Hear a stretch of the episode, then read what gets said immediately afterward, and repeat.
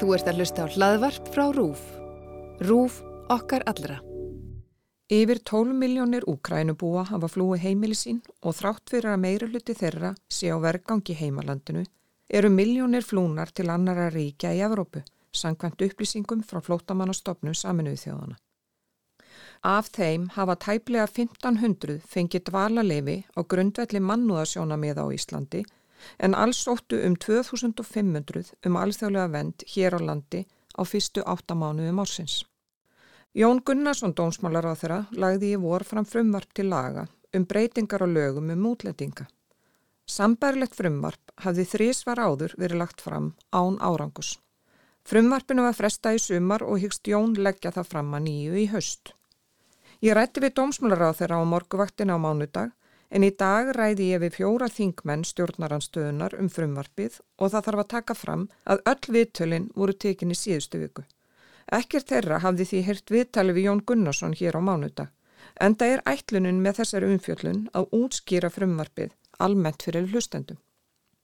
Líkt og kom fram í fyrsta hluta þessara umfjöllunar er rúmlega 70 þeirra sem hafa sóttu vendi ár með vendi öðru ríki. Það sem afir ári hefur stóðdelt ríkislauglustjóra fyllt 15 úr landi sem þegar eru með vernd annar staðar. Þar af 13 til Greiklands. Aftur á móti hafa stjórnvöldi Þískalandi samþygt að veita 84,5% þeirra sem koma frá Greiklandi vernd í stað þess að senda þá aftur til Greiklands þar sem aðstæður þar þykja ekki mannsamandi. Ardís Anna Kristína Dóttir Gunnarsdóttir var um árabil lögfræðingur hjá Rauðagrossunum en setur á þingi fyrir Pírata. Þú tókst þátt í umræðum um frumvart þeirra í vor. Er að þínum mati ásættanlegt að senda fólk sem sækjur um vend hér aftur til Greiklands? Nei, ekki, ekki á nokkur nátt. Og ég stend alveg fast í þeirri trú að ástæðan fyrir því að það sé enverð að senda til Greiklands séu pólitískar. Það sé ekki vegna þess að stjórnvöld séu raunverulega sannfarið um það að það sé allt í lægiðar, heldur snúist það um það sem að kannski liggur svolítið ofta baki ákverðunum ríkistjórna í þessum málum. Það er óttin við fjöldan, óttin við að vera eina ríkið sem að tekur af skarið og annars líkt. Ég held að það sé ekki vegna þess að stjórnvöld telja að staður betri eða meti er eitthvað öðruvísi heldur en hjálparsamtök. Það er, ég held að þau vita alveg hvernig staðan er í þessum ríkjum bæði, það er bæði Gríkland og svo er Ungveraland og líka slæmar aðstæðar á Ítali, það eru svona kannski fyrst og fremst þessi þrjúlönd. Helga Vala Helgadóttir, þingmaður samfylkingar, hefur fjallað mikið um málefni flótafólks, bæði innan þings og utan. Helga Vala, hvers vegna næri þetta breytingafröfumar dómsmálar á þeirra ekki fram að ganga? Já, innfalda svari eru þetta að því að þetta frumvarp verður alltaf verra og verra í hversin sem að, að dómsmálar á þeirrar sjálfstæðisflokks og, og þessar ríkistjórnar leggja frumvarpi fram.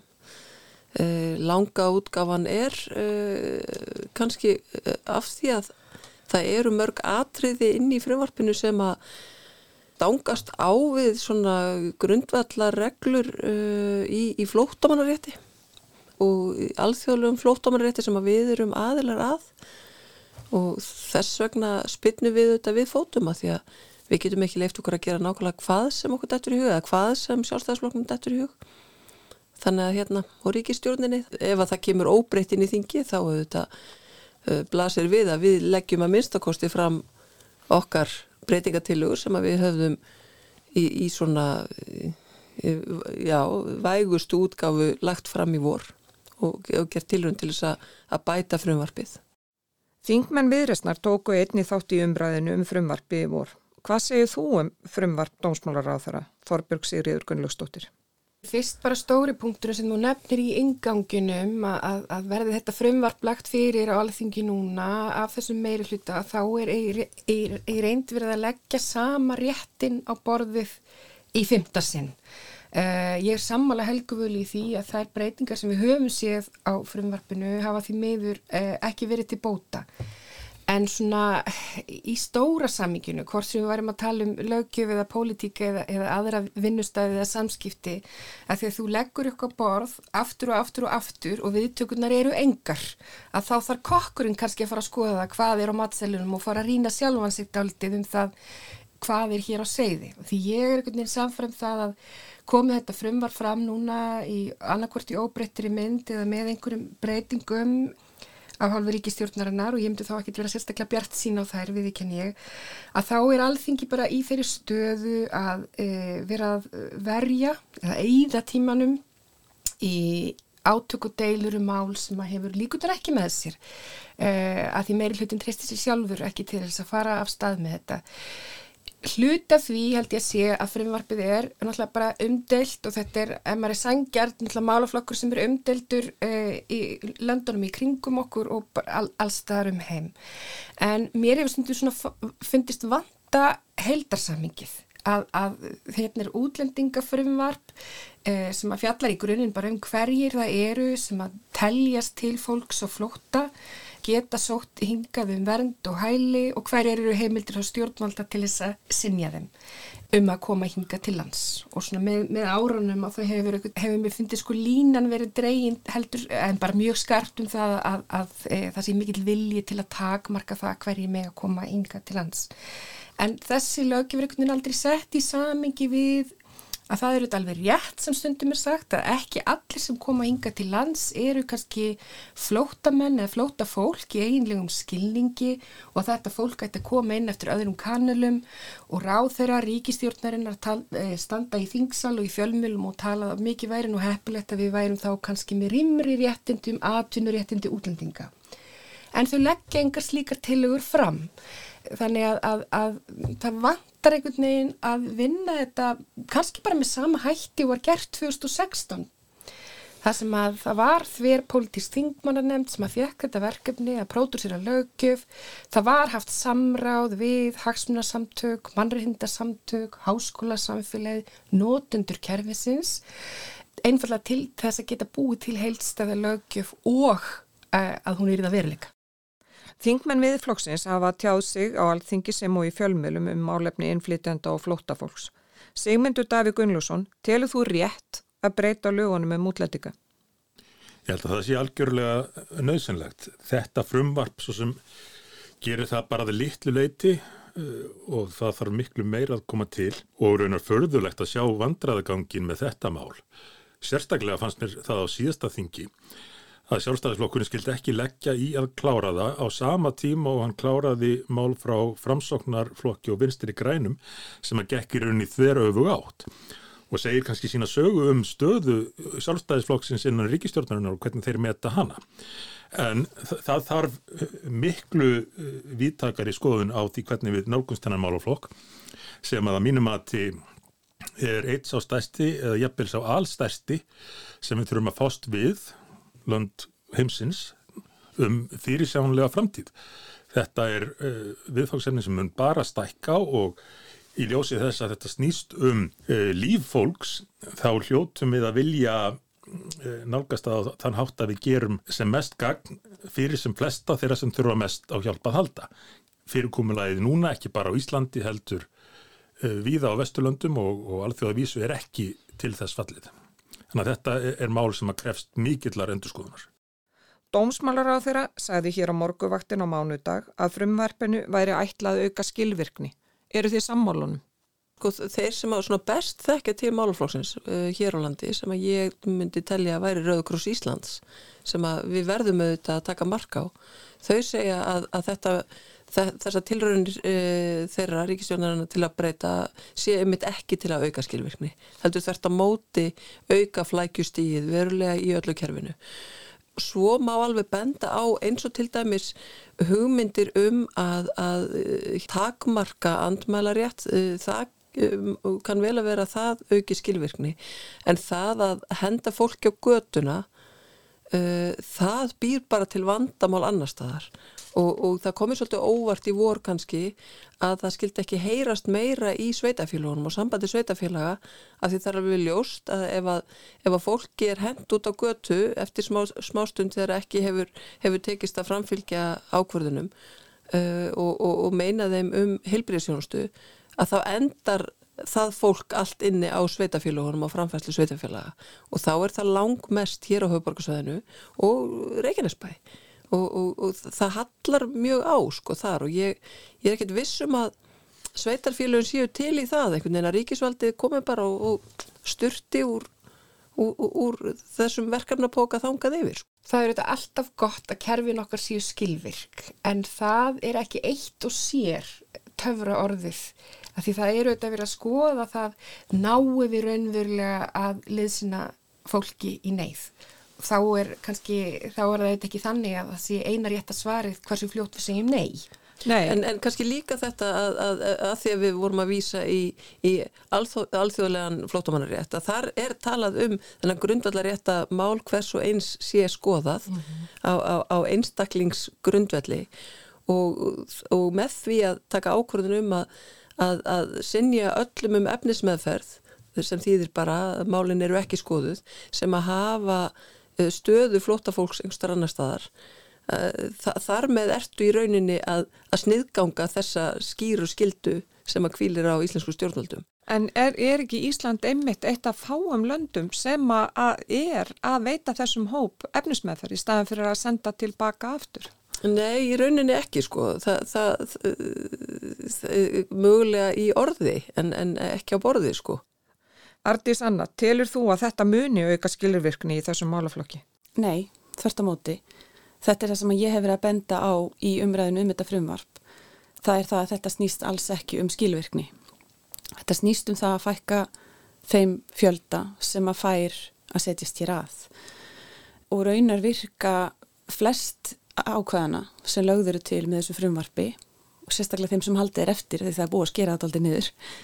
Þau virka til þess að minga skilvirkni til þess að auka líkunar á því að hér verði stór hópur fólks sem fær ekki úrlausn sinna mála, hópur fólks, jafnvel barna, sem að er hér um mjög langan tíma áður en það er síðan sendt úr landi.